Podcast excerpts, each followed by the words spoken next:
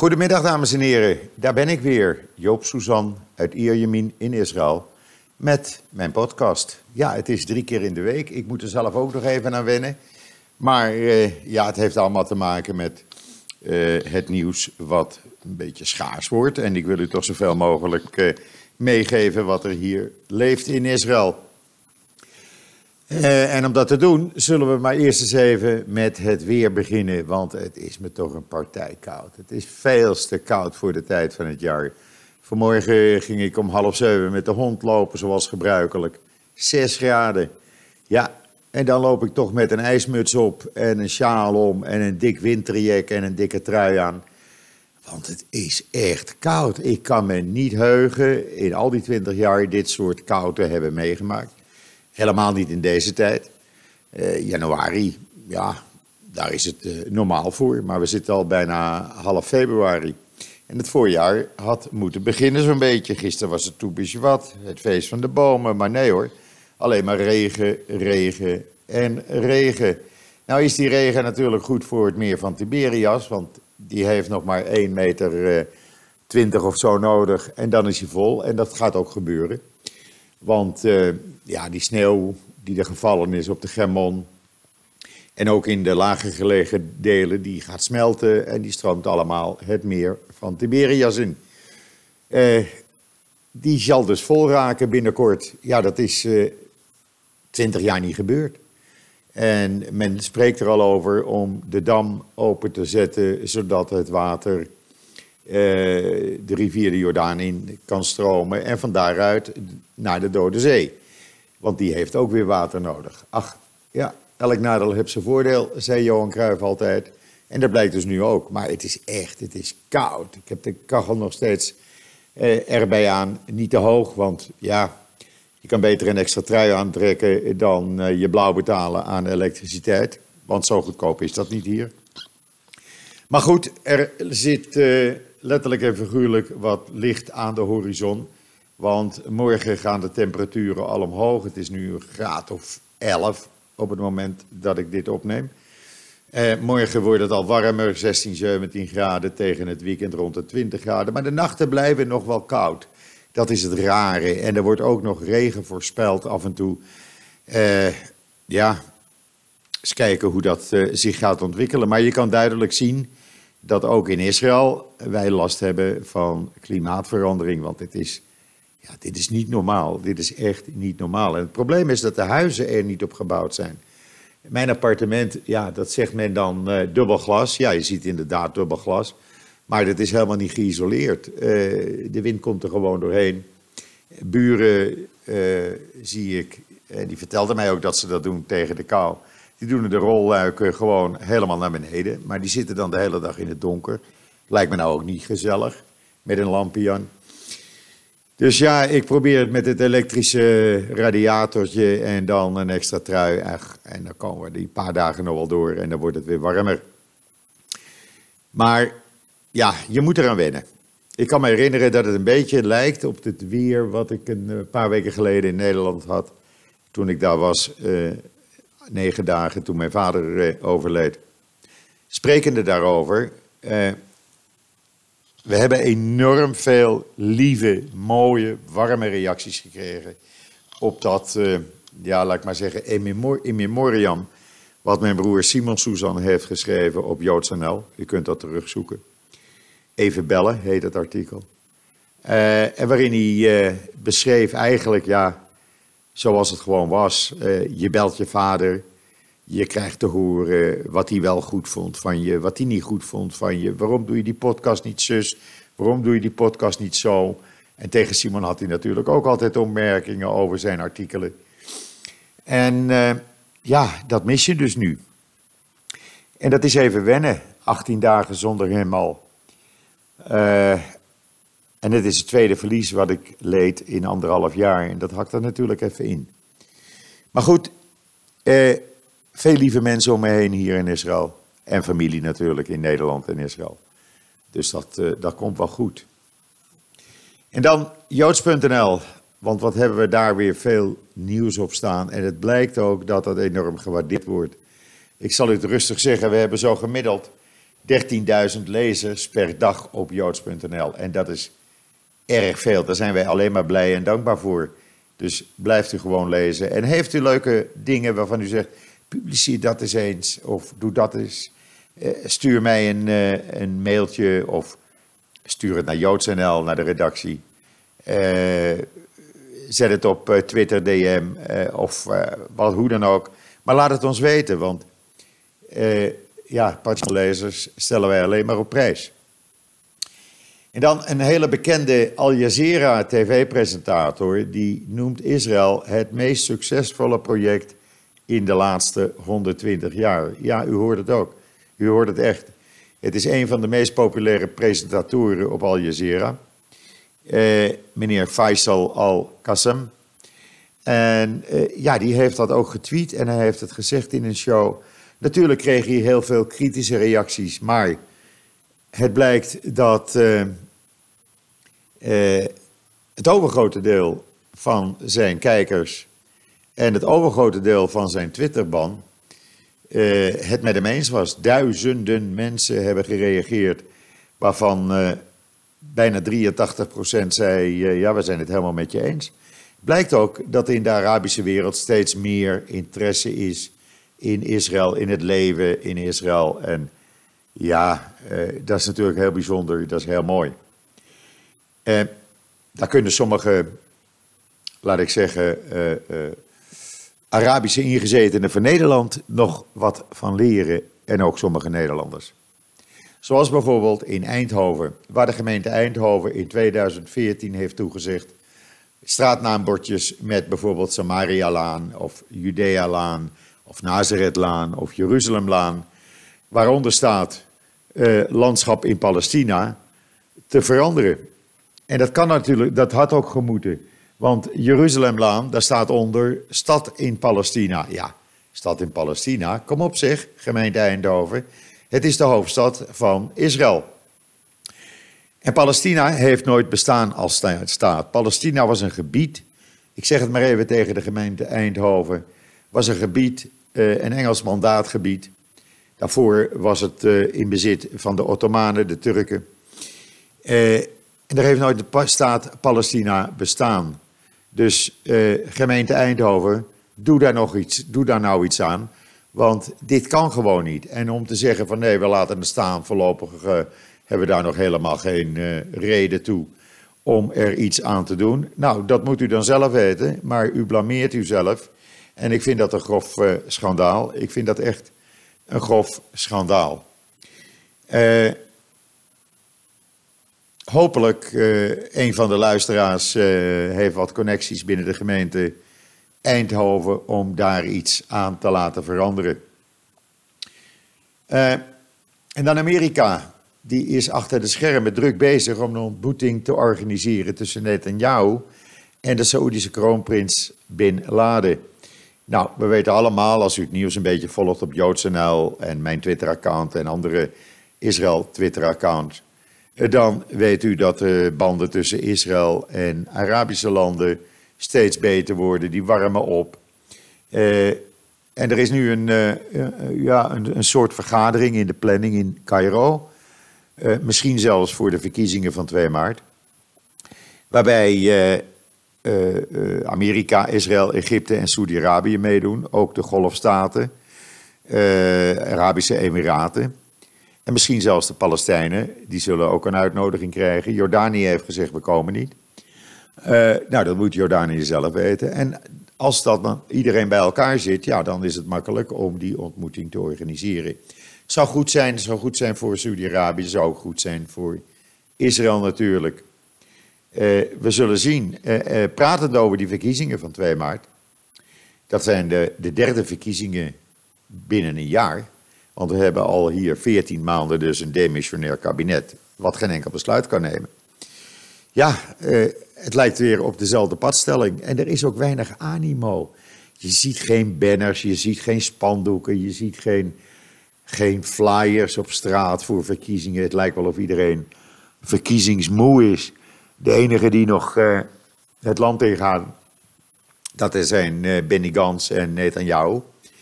Die uh, reizen stad en land af om uh, hun zegje te doen. Maar ik krijg de indruk dat de meeste inwoners van Israël gewoon een beetje verkiezingsmoe zijn. En ik kan dat ook wel begrijpen.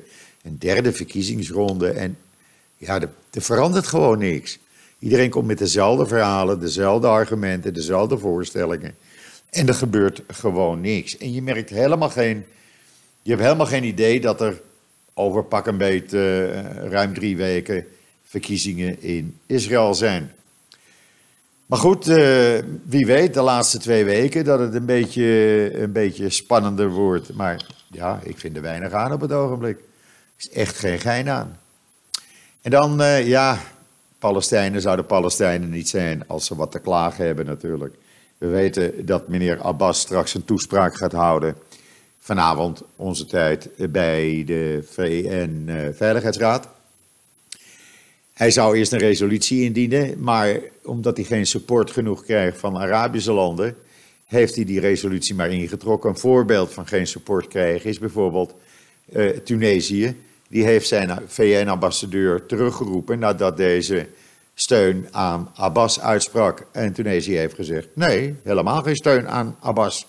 Hij moet nou maar eens aan tafel gaan zitten. We zijn het gezeur beu van die Palestijnen.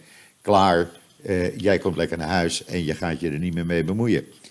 Ja, uh, meneer Abbas uh, had het ook in de gaten, dus die heeft, althans tot nu toe, die resolutie ingetrokken. Misschien dat er een soort van resolutie komt, maar die is heel zwak. En daar weet hij al van dat hij door Amerika met een veto wordt geraakt. Dus ja, dat haalt allemaal niks uit. Hij gaat dus nu een toespraak houden. Nou, het zal maar een, uh, een prachtverhaal worden. Het wordt weer een klaagverhaal. Net zoals die Palestijnse advocatenorganisatie die gezegd heeft: we gaan iedereen aanklagen die het Trump-plan accepteert of daar voorstander van is. als een Palestijn dat is, dan komt hij voor de rechtbank. Ja, hoe wil je in vredesnaam vrede krijgen als de andere kant het niet wil. Nou weet ik wel waarom. Want het verdienmodel voor de Palestijnse, Palestijnse leiders, dat valt weg. Eh, mevrouw Kaag eh, heeft, heeft dat ook gezegd in dat interview wat ik met haar had verleden week. Je kunt het nog teruglezen op JoodsNL.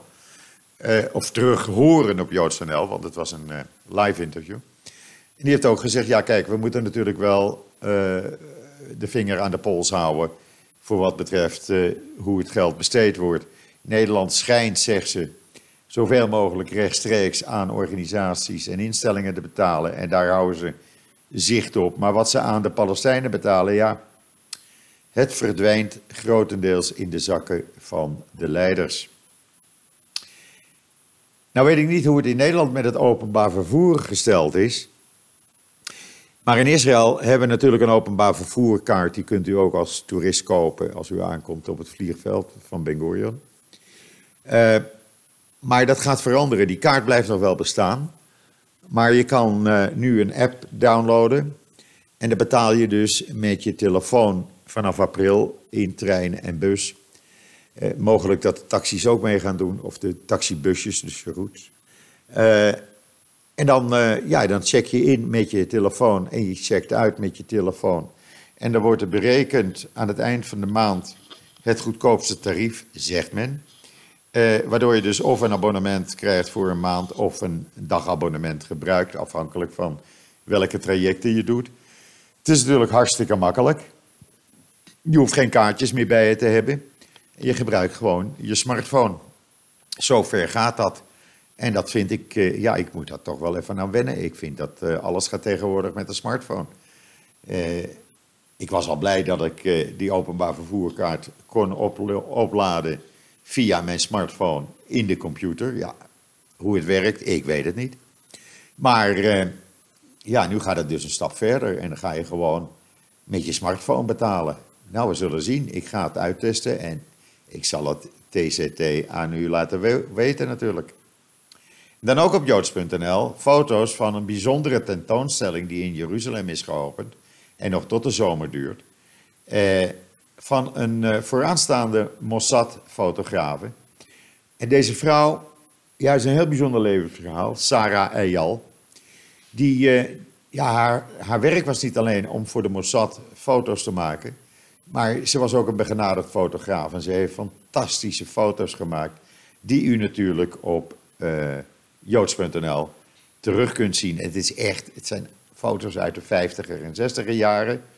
Maar het geeft een uh, ja, goede indruk hoe het leven toen in Israël was. En dat is toch wel bijzonder. Kijk het even op joods.nl. En dan uh, heeft men een naamplaatje gevonden op een oud wijnvat. En dat roept vragen op hoe groot het Israëlisch koninkrijk duizenden jaren geleden was. Uh, het staat ook beschreven in de Bijbel. In 1 Koningen 15, dubbele punt 20. En uh, ja, het gaat over de stad Abel Bet Makkah in het noorden van Israël. Die wordt ook in die Bijbel genoemd. En 3000 jaar geleden lag die stad op het kruispunt van verschillende politieke entiteiten. Het uh, Koninkrijk Israël, het Arameese Koninkrijk en de Feniciërs. Was geen uh, verenigde staat, maar het waren allemaal staten, afzonderlijke landen. En het is toch een heel bijzonder verhaal als je dit leest. Uh, hoe die inscriptie op dat wijnvat is gekomen. En hoe dat dus nu weer die discussie losmaakt uh, over iets wat duizenden jaren geleden dus heeft afgespeeld. En hoe groot Israël, het koninkrijk Israël dan duizenden jaren geleden was. Heel leuk, uh, gisteren was het Toebishwat. En drie families met ieder drie generaties, dus opa, vader en de kinderen, uh, die kwamen naar uh, president Rivlin om artisjokken te brengen. Het zijn artisjokkenkwekers, drie generaties. En dat is natuurlijk wel bijzonder. Ik vind president Rivlin, ja, ik mag hem erg graag. Het is net ja, een soort grootvader die over Israël waakt. Hele verstandige man. En ik wou dat we daar meer politici hadden zoals hij. Een echte, ja, geboren en getogen in Jeruzalem. En hij is inmiddels in de tachtig, maar die man is onvermoeibaar. En dan kreeg hij drie grote manden met artisjokken. Ja, dat is natuurlijk geweldig. U kunt het lezen op joods.nl natuurlijk. En dan, Daniel Theeboom heeft een uh, ja, opinie op joods.nl gezet over het vredesproces. Land voor goudvis. Ik ga het niet verraaien, maar het komt erop neer dat eigenlijk de conclusie is, eh, en zoals van veel mensen, het vredesproces, vergeet het maar. Dat is een gepasseerd station. Ik denk ook niet, ik zelf eh, ben het daar eh, grotendeels ook mee eens, want ja, zoals het nu gaat, er zal echt een nieuwe generatie uh, leiders moeten opstaan bij de Palestijnen. Jonge mensen die uh, zeggen, kom op, geen gezeur, we gaan uh, serieus onderhandelen in plaats van alleen maar klagen. Want jonge Palestijnen, dat gaat prima tussen Israëli's en jonge Palestijnen. Er komen artikelen op JoodsNL vandaag en de komende dagen over Palestijnse high-tech specialisten die in Israël bij bedrijven werken, die dat fantastisch vinden, die dan opgeleid worden en dan in de Palestijnse gebieden eventueel uh, hun eigen bedrijf kunnen starten met behulp van een Israëlisch high-tech bedrijf. Op het normale niveau gaat het fantastisch. Echt, geloof me. Al die verhalen die u in Nederland hoort, het is niet waar. Er gebeurt tussen Israël, Israëli's en Palestijnen veel meer als dat u denkt. Ik heb het al vaker gezegd, loop in uh, Noord-Tel Aviv in de omgeving van de Universiteit van Tel Aviv. En je ziet daar honderden Palestijnse vrouwen met hoofddoekje lopen. Die wonen gewoon in Noord-Tel Aviv. Hebben daar allemaal uh, studentenwoningen of een kamer gehuurd. En daar is geen haat en nijd. Houd toch op met al dat gezeur elke keer in Nederland. Er moet altijd wat geklaagd worden. Iets anders. Onderzoekers van de Universiteit van Tel Aviv hebben een zeldzame tumor ontdekt bij het skelet in de botten de staartbotten van een dinosaurus die meer dan 60 miljoen jaar geleden uh, leefde. Ja, dat is, dat is niet voor te stellen. 60 miljoen jaar geleden. En dat hebben ze ontdekt. En ja, het hele verhaal ja, wordt een beetje afgezaagd. Ga het gewoon lekker op JoodsNL lezen. Het staat er nu op. En ik vond het fascinerend. Ik vond het echt heel fascinerend. En dan Israël is het eerste land geworden die de industrie voor gevaarlijke stoffen reguleert. Niet de transport, maar de bedrijven. Die worden onderverdeeld in drie uh, uh, rubrieken. Van heel gevaarlijk tot niet zo gevaarlijk. En die moeten dan uh, bepaalde uh, certificaten krijgen. Ze moeten extra beveiliging doen. Uh, ze worden om de paar maanden gecheckt.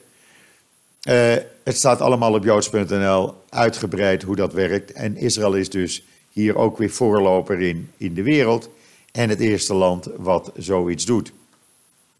En dan, dan iets anders. Onze vaste columnist Rob Fransman. Die maakte zich een beetje kwaad. En daar heeft hij gelijk aan. Want hij zegt, uh, ja, hij, heeft een column, ges, column geschreven over, ik wist dat helemaal niet, het racisme wat in Nederland plaatsvindt naar aanleiding van het coronavirus in, uh, in China. Dat Chinese mensen uh, in China ja, gewoon worden gediscrimineerd en op straat worden uitgescholden. Ja, ik vind dat echt schokkend. Ik vind dat heel erg. En door die column, column van uh, Rob, Rob Fransman, ben ik daarop geattendeerd. En uh, ik vind dat echt een schandaal. Hij roept u op om ook een uh, petitie te ondertekenen. er staat een link onderaan het artikel. De link, wij zijn geen virussen. Want ik vind dat echt, ja, ik ben het met Rob eens. Dit heeft geen pas, absoluut niet. En dan, het Technion heeft een micromachine ontwikkeld om DNA en medicijnen naar de specifieke cellen te brengen. Dus niet meer gewoon inslikken, maar via die machine krijg je het bij de cel waar het moet zijn. Ik vind dat heel bijzonder. Maar ja, Israël zou Israël niet zijn als het niet hier vandaan zou komen, toch? Zo werkt dat nou eenmaal. En Israël is op veel dingen een voorloper. Ja, en dan, uh, dan ben ik zo'n beetje alweer aan het einde van, uh, van deze podcast van vandaag. Donderdag is er natuurlijk weer een nieuwe podcast. Hou vooral JoodsNL uh, in de gaten. er komt nog veel meer artikelen op straks. En ook de komende dagen natuurlijk. en nogmaals, ik ben blij dat het door, of wij zijn blij, want ik doe het niet alleen, we zijn met zes mensen. dat het zo hoogelijk gewaardeerd wordt. We zien ook vaker dat uh, andere media, kranten en, en uh, andere organisaties artikelen van JoodsNL overnemen. Wij geven het nieuws, zowel in de podcast als op JoodsNL, zoals het gebeurt. We kleuren het niet in. We geven niet onze mening. Dat doen we in opinie. In een opinieartikel. Maar het nieuws zoals het gebeurt in Israël en zoals u dat graag wilt weten. Dus ja, rest mij u nog een hele fijne voortzetting van deze dinsdag, de 11e februari, toe te wensen. Het is uh, de 18e dag dat mijn vader is overleden. En wat mij betreft zeg ik tot ziens, tot donderdag.